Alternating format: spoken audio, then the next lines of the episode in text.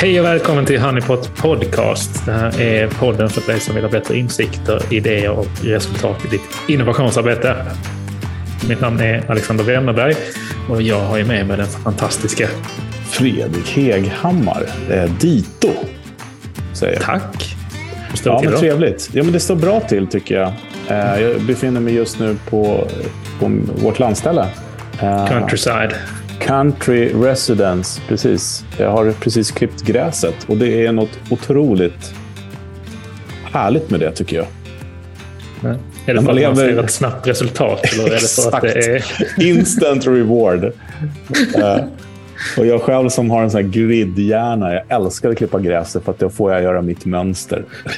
Oh, men gör du sådana här fyrkanter? Eller vad heter det? Såna Nej, här det gör- nej, det gör jag inte. I, i fancy...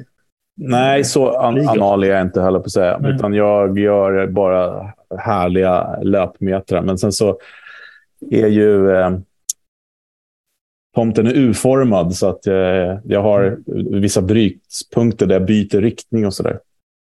Men klipper du, alltså börjar du som i en cirkel då och klipper i cirklar Nej, nej, nej, nej, nej, nej. Rakt. Fyrkant- Från kanten in mot mitten. Okej. Och sen så Nej, jag när jag kommer till U-ets eh, första brytning, då byter jag riktning och kör. Ja, det är en hel vetenskap Ja, som jag har prototypat fram. härligt. Och det är precis det vi ska prata om idag. Exakt. Prototyping. Ja. Bra, eh, bra tråd där. Jag försökte göra en liten brygga där. Mm, vi gör ju vår eh, miniserie som eh, Fredrik döpte till Innovera Mera. Jajamän. I, fy, I fyra avsnitt. Mm. Eh, Där vi det första avsnittet pratade om hur man definierar sina problem eller utmaningar eller möjligheter på bästa sätt. Mm. eh, Och hur man tar fram dem. Och sen pratade vi i förra avsnittet om hur man idégenererar och konkretiserar de idéerna. Väljer ut rätt idéer Mm. på bästa sätt. Och nu i nummer tre så ska vi prata om hur man tar de där idéerna som man vill ta vidare och eh, prototypa dem. Yes. Ja. Och då är då dagens kuggfråga till dig, Alexander. Varför ska man jobba med prototyping? Eh, Det är för att en idé ska eh, eh, bli möjlig att testa, skulle jag säga. Ja, precis. Det tycker jag var bra svar. Jag brukar säga att den enda anledningen till att vi prototypar är för att vi ska få data på vår idé. Mm. Ja, men då är vi överens om det. Ja, det är vi absolut överens om. Eh, och att den gör ju liksom ingen nytta i ditt huvud, utan den behöver ut på bordet så folk kan Mm. interagera med sina sinnen. Mm. Eh, det sagt så kan vi säga att vi tjuvstartar lite grann om man nu följer våra tips och råd som vi hade i förra avsnittet. Så har vi egentligen redan börjat med prototyping. Precis, och det handlar ju till mångt och mycket om att eh, eh, jag tycker att det finns en, eh, en liten skev bild av vad prototyping är för någonting. Att Ja, det verkligen. alltid är eh, mockups på appar i digitala verktyg. ungefär. Ja, eller gubbar i vita rockar. ja precis. Väldigt teck- alltså man tänker James Mm. Bond, den här Dr. Q där som springer runt med en fantastisk person. Jag saknar honom innerligt när jag tittar på James Bond-filmer. Men eh, det är klart, den här nya killen är väl bra han också. Men eh, Helt okej. Helt okej. Men absolut, utan eh, prototyping handlar ju om att kunna eh, liksom få feedback och data på sin idé. Eh, Mm. och egentligen så spelar det ju ingen roll hur man får den. Men det sagt då, då så ska man ju gärna använda sig av eh, metod och eh, teknikmaterial som man kan röra sig snabbt framåt. För att om man Mm. ska knyta an till det vi sa i förra så pratar vi om kvantitet, många idéer som kan generera kvalitet. Eh, och det är likadant med prototyper. Då. Om man då gör för fina prototyper eller för genomtänkta prototyper, om det nu inte är det man ska få svar på förstås för data. Men på Mm. tidigt stadie så, brukar vi ju prata mycket om att keep it scrappy. Det vill säga, man ska röra sig snabbt framåt, använda material som rör, gör att du kan röra dig snabbt framåt. Och är det kartong och tejp eller Mm. lera, så använd det. Eller är det i digitala produkter, så Mm. kanske inte du ska göra någonting i lera. Nej, precis. Och där, där exakt likadant där också. Är det en digital produkt så är det samma där. Våga vara eh, scrappy i form av att eh, ehm, man behöver inte vara superduktig på liksom Figma eller Marvel eller, eh, eller Photoshop eller Sketch för att liksom ta fram rita det på papper. Också. Oh ja, absolut. liksom... Nej, men det är väl den här klassikern som jag brukar ta upp när jag föreläser. Att, eh, jag brukar fråga publiken om det är någon som har en 3D-skrivare. Och då blir de, den som har det är väldigt stolt över att mm. eh, säga det. Och det ska man vara också. Det är fantastiskt. Mm. Jag kommer själv ihåg när de där kom. Det var helt magiskt. Eh, men att eh, de flesta har ju inte gjort så mycket mer om, mer än kanske att skriva ut den här lilla Eh, om man köpte en sån eh, Makerbot så brukar det följa med en litet program där man kunde skriva ut en haj i en mm. decimeter lång storlek. Mm. tog en dag ungefär. Eh, och då brukar jag fråga om man har behov av att testa en haj i, i, som är 10 cm lång. Då kan du faktiskt rita den på en toarulle. Det tar 30 sekunder. Exakt. och det skulle tydligen bli, troligtvis bli lika bra. Det sagt, om man börjar prototypa till exempel för att hitta hur skuggor faller och sånt på material, då är vi på en helt annan nivå.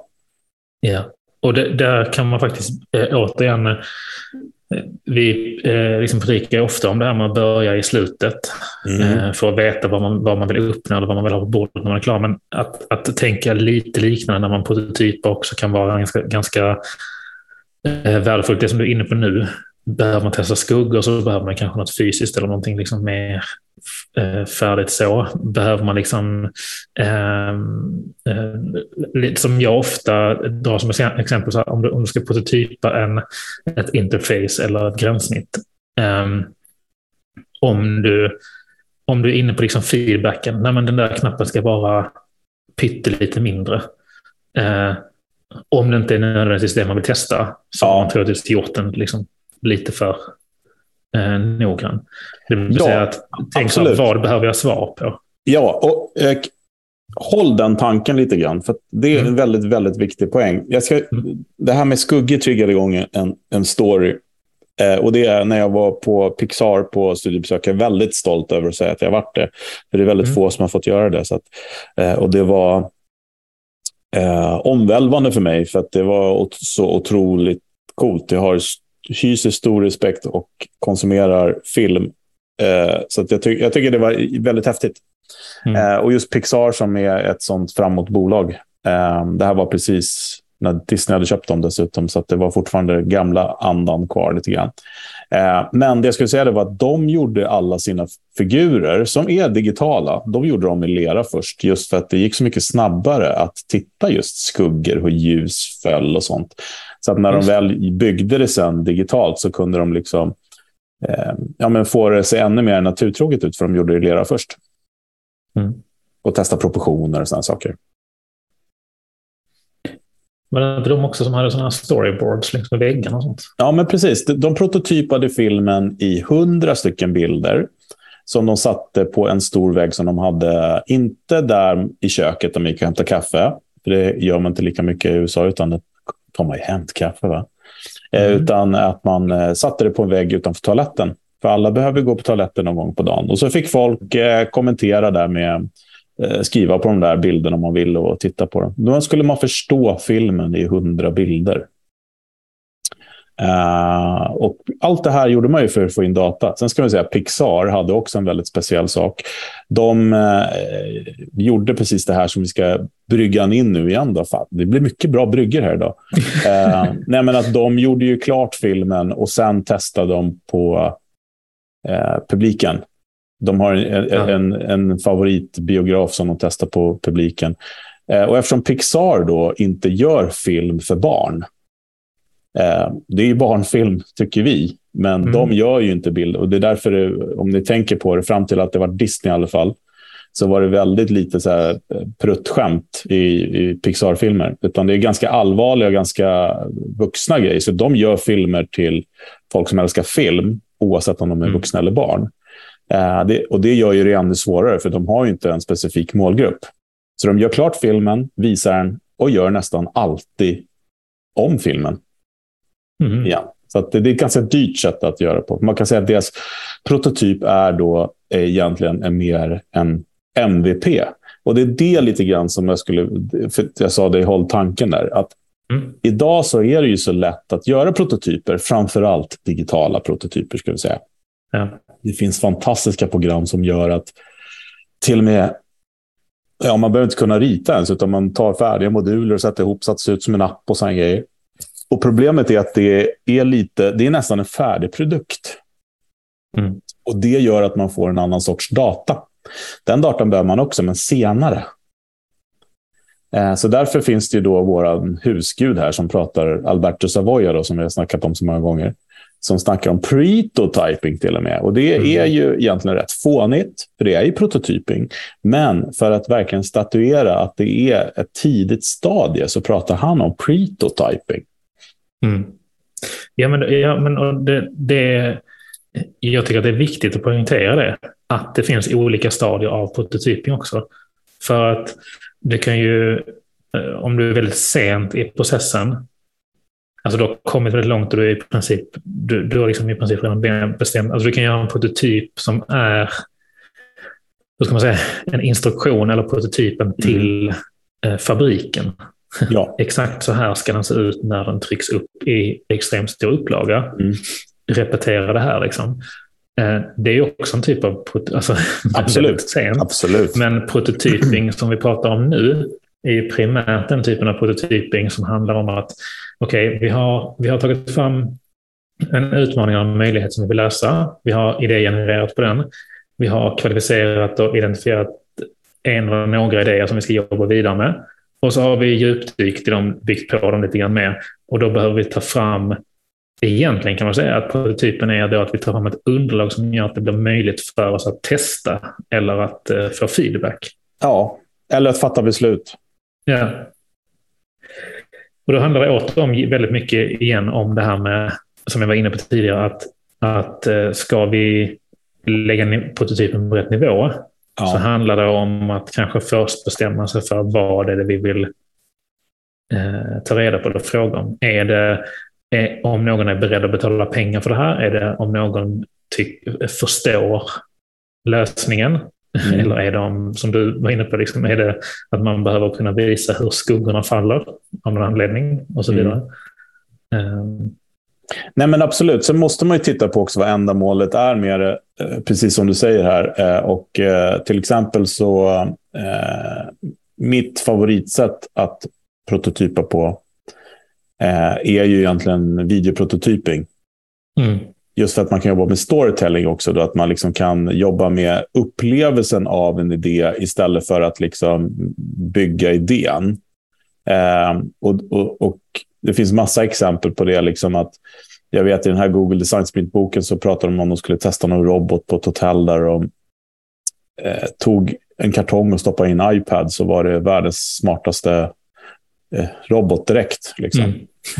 eh, så det handlar mycket om så här, bygga fasader, fake it till you make it, så att du kan få in datan. Mm.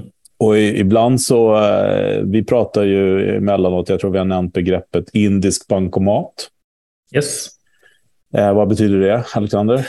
Eh, jo, men det är väl egentligen eh, lite så här, ett lite raljant skämt om att man kan eh, eh fejka automatisering Eh, i form av att eh, eh, tänker en, en bankomat, men istället för att det faktiskt är mekanik eller eh, teknik som styr att pengarna kommer ut. Så när du knappar in någonting på skärmen där så sitter det en person bakom och stoppar ut sedlarna som du inte ser. Precis. Så att man kan faktiskt, eh, det är ett begrepp för att just eh, poängtera det här, att man kan se till att fasaden ser ut som att den är färdig eller i princip mm. automatisk. Men att man Precis, och det, jag har själv gjort det där massor gånger. Eh, framförallt när jag jobbat med eh, tidiga chattbottar och sådana saker. Att man har kunnat ställa mm. frågor som man fått svar på det. Ja, då har ju suttit någon på andra sidan ja, väggen och svarat på det helt enkelt. Och det är inget fel med det. För det man gör då är att man, ett, så ser man hur folk interagerar med ens mm. tankar. Man får se vilka frågor de ställer till exempel. Och, eh, jag är ju också en sån som har varit med och byggt saker tusen gånger, lanserat och sen fått reda på att ingen vill ha det. Det är ett väldigt dyrt sätt att göra det på. Mm.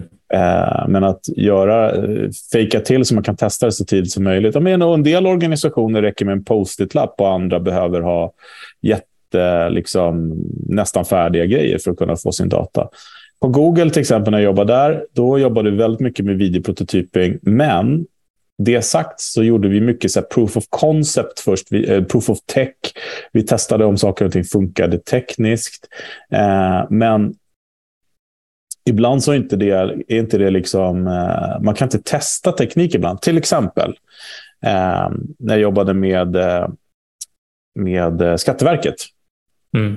Så hade de sådär att jag hjälpte till att utbilda dem på hur de skulle jobba med innovationsprocesser och sånt. Och sen körde de vidare själva. Och då gjorde de också ett format att de tog in en eh, grej i månaden tror jag och jobbade på. Liksom. Lite grann som vi gjorde på Creative Lab, men där gjorde vi ju en grej i veckan. Eh, mm. Och den här grejen de jobbar med, det var hur, just i det här specifika fallet var hur kan eh, eh blockchain då underlätta husköp? Fastighetsköp eh, helt enkelt. Och de hade en, eh, en tekniker där som byggde ordning det där hit och dit. Eh, super, superbra. Men om man ska liksom visa någon det där så är det liksom Ja, men du slår in en fastighetsbeteckning och trycker på en köpknapp. Och sen så sker ju allting bakom i kod. Det finns liksom ingenting att ta ställning till. Förstår du vad jag menar? Ja. Vadå, är det klart nu eller? Va? Ja. Istället för att någon satt fyra veckor och byggde där så hade jag lika gärna kunnat sagt så här. Du skriver in din fastighetskod här, du trycker på köp, sen är det klart. Mm. Man har inte behövt bygga det. Det var helt bortkastat med tid. Där jag sa mm. det, gör en film istället om vad som händer bakom eller vad, vad problemet är och vad ni löser och sånt som är mycket starkare för den som tittar på det. Mm. Men ni kan ju också göra proof of, liksom proof of concept eller proof of tech och se så här, i det som vi har gjort i prototypfilmen, går det ens att göra? Ja. Du förstår vad jag menar. Men man behöver inte göra det. Nej, exakt. Och det är ju återigen tillbaka till, artikeln det här med videoprototyping är så briljant eh, eh, koncept att, att använda sig av. Och det, när vi, eller eh, det är egentligen det är du som har lärt mig det, det, det sättet att göra saker på, eh, vilket jag tycker är skitkul. Eh, och det, det bygger väldigt mycket på just det där när, som jag var inne på tidigare, när man har valt ut en eller några få liksom, idéer som man ska jobba vidare med, att man den här matrisen som vi var inne på i förra mm. avsnittet. Eh, vad löser vi, för vem löser vi det och på vilket sätt kan idén skala? Har vi tagit reda på de sakerna så kan till, så kan till och med ofta det vara liksom tillräckligt för att med den informationen kunna göra en 60 sekunders video. Liksom. Upp med mobilkameran oh, ja. och eh, berätta någonting eller bygg storyn. Liksom, eller klippa ut saker på papper som du kan visa eller rita på tavlan. Eller Mm. Liksom, ta in en kompis som kan, vara, som kan vara problemet och så är du lösningen. Mm, liksom. Mm, exakt. Alltså, ja, ja. ja men det, vi, har ju sett, vi har ju sett hundratals, om än kanske mm. tusentals eh, videos eh, som eh, ja, men paketerar en idé jättebra som man kan mm. då ta till folk och visa. Eh, det är klart, ska man jobba med... Nästa avsnitt ska vi prata om testing, så jag ska inte föregå mm. det. Men, men mm. det angränsar ju till det här väldigt mycket, för det är därför man gör en prototyp, för att man ska kunna testa det. Så att det, det, det hänger, hänger, ihop väldigt mycket. Men vi håller på det testgame till nästa avsnitt helt enkelt. Men prototypen, en annan grej är också så här, det som är så fint då när man jobbar med pre prototyping eller pretotyping eller vad man vill kalla på ett tidigt stadie. Men det finns inga regler. Eh, är det en, kan du inte svetsa eller har du inte tillgång till metallstänger och sånt, använd liksom kartong och tejp och kolla och prova hit och dit. Eller släng in det i ett CAD-verktyg. Och, och för, liksom, det, det, finns så många olika sätt att jobba med prototyping. Och mm. Vi har ju också ett samarbetspartner eh, som vi både jobbar med utbildning och eh, ibland konsulting också. Det är Toolspace.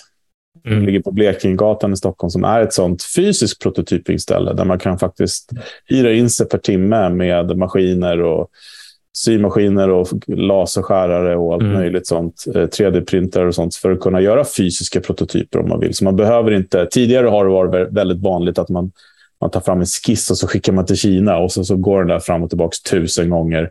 Mm. Tills man har fått någonting som man tycker verkar vara och sen så trycker man på knappen.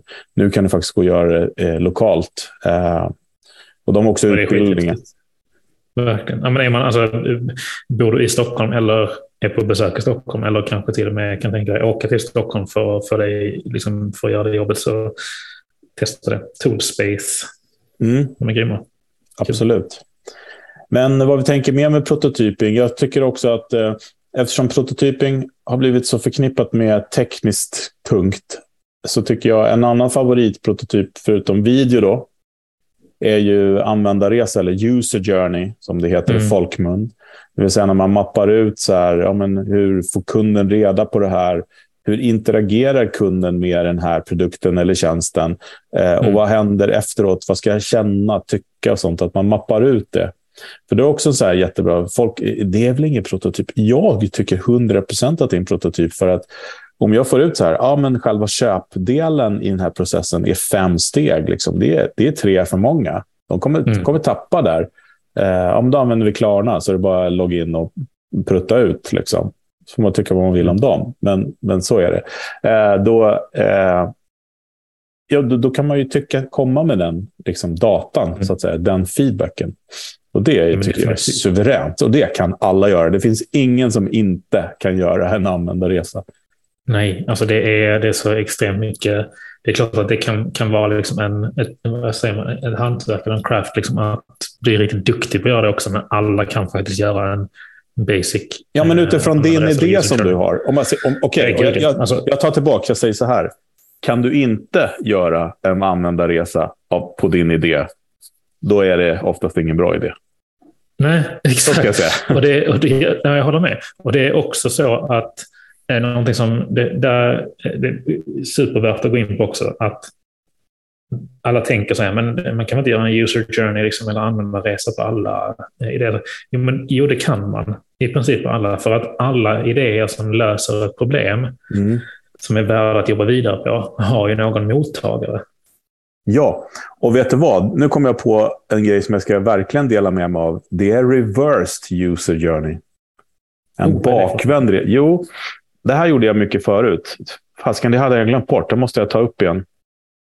Men om du tänker att du, jag hade åtta stycken bilder på en kvinna som mm. vaknade på morgonen och tog sig till jobbet. Och då, mm. då var det så här, vakna på morgonen, man såg liksom eh, sängen och väckarklockan, du såg köket och kaffet. Nej, nej, det gjorde du inte alls. Det. Du såg, eh, du, ja, men hon gick in och duschade, hon tog sin cykel och åkte till jobbet. Hon köpte en kaffe på vägen mm. eh, och, och, kom till jobbet. Då, om du har en idé, då ska du titta på de här åtta bilderna och säga vad är jag i de åtta bilderna? Vad kan jag, hur passar jag in i de här? Hemma på morgonen, passar jag in där? Nej. Eh, duschen, ja för fasken, vi är ju ett schampo. Liksom. Mm. Eh, när hon sitter på cykeln, mm, ja, cykel, vi kanske kan göra rengöringsmedel till cykeln också. Alltså, förstår du vad jag menar? Kaffe, mm. ja, nej, kaffe kan vi inte göra, men kaffefläckar kan vi få bort.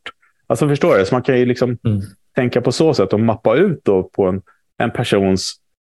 Från, ja, antingen att, som det här fallet, om man vaknar på morgonen och åker till jobbet. Eller mappa ut en hel dag. Och så förstår du vad mycket möjligheter det finns för produkter och tjänster att vara närvarande. Det är skitintressant att se. För då ser man verkligen var i en kund eller potentiell, var, var i en människas vardag kommer vi in. Liksom. Ja, men då, och, det kan ju vara så att vi kommer inte in privat överhuvudtaget, utan vi kommer in eh, i en viss del av jobbet eller så vidare. Men Jobs liksom to be done, nu är vi tillbaka till den. Precis. Ja. Mm. Och det var det som jag tror vi pratade i första avsnittet, där med det här med att lösa rätt sak och jobs to be done.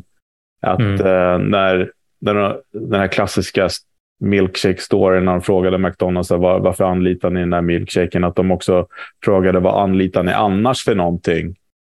Mm. Och då kom det upp sex eller sju nya produkter som de kunde inkorporera i sitt segment och bredda sitt mm. erbjudande. Och det är egentligen precis samma sak här. Så ta, ta en person eller en målgrupp som ni vill vara i deras liv. Mappa ut den med bilder och sen titta på vad kan vi hjälpa till med under den här personens dag. Mm. Helt fantastiskt sätt att prototypa på. Verkligen. Den du. Har, eh, den, du. den ska du använda. Nej, men det var bra. Det var bra. Vi, eh, vi har faktiskt en, eh, en kär vän till oss som ja. eh, ligger på telefonen här och ringer. Vi, vi svarar. Ja, här kommer han. Alexander Roseby. Ja, tjena. Det är Alexander. Jag hoppas allt är bra med er. Eh, jag har en idé här. Eh, träffar jag har en fråga helt enkelt. Eh, jag träffar många eh, eh, som jobbar med idéer, idéinsamlingar och, och så, de säger att det är så himla svårt att förverkliga idéerna. Och då är min fråga till er. Vad, är, vad tycker ni är de största hindren att få i, från gå från idé till verklighet? Hur förverkligar man dem? Och varför blir de inte förverkligade helt enkelt? Eh, ha, vad säger ni om det? Ha det gott. Ciao, ciao! Ja, varför, eh, varför blir det inte någonting av idéerna, Fredrik? The, the billion dollar question. Ja, Nej, men alltså så här. Eh, nu förstår du, ska jag tala om för dig. Nej, det var inte så jag menade. Men eh, det här är någonting som jag har funderat väldigt mycket på eftersom jag under väldigt lång tid har hjälpt företag att komma precis till det stället att man, eh, ja, men man ska liksom fatta beslut på om det ska bli något eller inte. Om du förstår vad jag menar. Eh, eftersom jag är oftast inte med och genomför sen. Det är min gamla värld som jag jobbade i förut, att genomföra saker åt folk. Utan det lämnade jag för tio år sedan och nu har jag jobbat mer med det innan. Bara för att jag märkte ju så mycket att man löser inte rätt sak och man, ja, jidder helt enkelt. Men eh, problemet som jag har sett och min analys utifrån min erfarenhet är att problemet är att det inte blir någonting av grejerna. Det är att det saknas så mycket information för att kunna fatta ett korrekt beslut. Mm. Att när man jobbar med innovation så bypassar man och springer snabbare, vilket är hela idén, för att då utforska flera möjligheter och kunna då... Men i slutändan så är det så här, om du i en normal, om en normal organisation fattar beslut på ett visst sätt på viss data, så måste även innovationsinitiativen ha den datan och presenteras på det sättet. Gör inte det, så kommer inte den få samma dignitet i beslutsfattandet och därför inte bli något. Mm. Det är en Nej, första men, grej. Ja. Nej, men det, jag håller med till 110 procent. Så jag, inte, jag har inte mycket mer att säga där. Mer än att det är just det, det är ofta där... Eh, eh, jag kan uppleva det som att det är där, där glappet finns oftast. Om vi tänker att liksom, idéarbete, innovationsarbete eller idéarbete eller förändringsarbete så handlar väldigt mycket om att utforska och, och eh, ta fram och lära sig och hitta nya saker. Eh, och vi har liksom på andra sidan har vi eh, liksom genomförande eller etablerade saker mm. och, och, saker som egentligen händer. Liksom. Däremellan, glappet som finns där eh, är just precis det som du är inne på, det är ju beslutet. Och eftersom att de flesta, precis som du är inne på, alltså, eftersom att de flesta är, är vana vid att fatta beslut på x antal parametrar eller viss kriterier eller information mm. så räcker inte med att man liksom har någon lösryckt idé. Nej, och för några år sedan så hade jag sagt att jag tyckte att det var helt knäppt. Men det är ju så att ett, ett, man liksom, låt säga att vi, vi jobbar på en innovationsavdelning eller en hubb som är kopplad till en ordinarie verksamhet på något sätt. Vi springer snabbt, vi testar nya metoder och möjligheter och dit. Och vi kanske till och med kommer på produkter som inte ens liksom har med den ursprungsaffären att mm. göra som vi håller på med. Och då skulle jag säga att det ska väldigt mycket till för att det ska bli eh, alltså blir verklighet. Mm. För man kör hellre safe och man tittar på det man har hit och dit. Men eh, om man nu liksom kommer fram då till något, något, något, bra som, som har med det man, man gör. Man bara kör och så springer man iväg och bygger de här grejerna och så ska, kommer det tillbaka och sen så upptäcker man att oj, det passar inte på i hyllorna på lagret. Liksom. Mm. För man har inte tittat på den grejen. Liksom. Eh, eller ja, det här var jättebra, men det kostar liksom mer än vad det smakar. Eh, för vi måste anställa massa folk eller vi måste liksom utbilda dem. Som, alltså det är så många parametrar som man kan inte beröra allt och ska inte beröra allt i en tidig mm. fas i ett projekt. Men, men det är därför också vi alltid frågar så här, okej, okay, vad, vad ska ni fatta beslut på? Vad är leverablen från det här initiativet? Eh, och då vet man att ja, det är bara en pitch. Liksom. Ja, då kanske det inte kommer bli så mycket. Mm. Eh, så att, eh, jag skulle vilja säga så här. Fördefiniera vad det är för data ni behöver och införskaffa den datan på ett innovativt sätt. med innovativa, mm. innovativa metoder så kommer eh, fler grejer se ljusets... Eh, eh, vad säger man? Ljusets... Se ljuset helt enkelt. Ja. Det är dagens ljus, säger jag. Vad jag Exakt. Eh, en annan grej också, det är ju att alltså, stryk över ordet innovation och jobba med förbättringar, jobba med framåtanda, progress. Stirra inte blinda att det som tas fram måste ruska om hela världen. Nej, alltså det är ju... Det kan göra det ibland och det är fantastiskt när man hittar dit. Men det är mm. väldigt sällan. Alltså. Jag är ledsen. Ja, men och, och också att man missar så himla mycket bra saker. För att man inte skulle kategorisera det som innovation. Liksom. Japp. Det är innovation i all ära, men kalla det liksom inte innovation när ni går in i det. För mm. då, då avgränsar ni det till delvis att de flesta blir livrädda för att delta och mm. inte fattar ett smack. Nej, och för det andra för att man missar. Och att det är för mycket hål i beslutsunderlaget. Så att, ja. eh, om man säger så här, prototyping då, om vi ska sy ihop säcken mm. och även svara på Alexanders fråga, så är det ju så att eh, använd eller börja med slutet. Sätt upp kriterier för hur ni ska fatta beslut och vad ni behöver för data. Använd mm. prototyping för att få in den datan. Mm. Eh, och stay scrappy, det vill säga jobba inte för mycket med prototypen, men ni måste jobba tillräckligt mycket för att ni ska få er data, så att säga. Så att, eh, se till att liksom, det ni ska testa går att testa.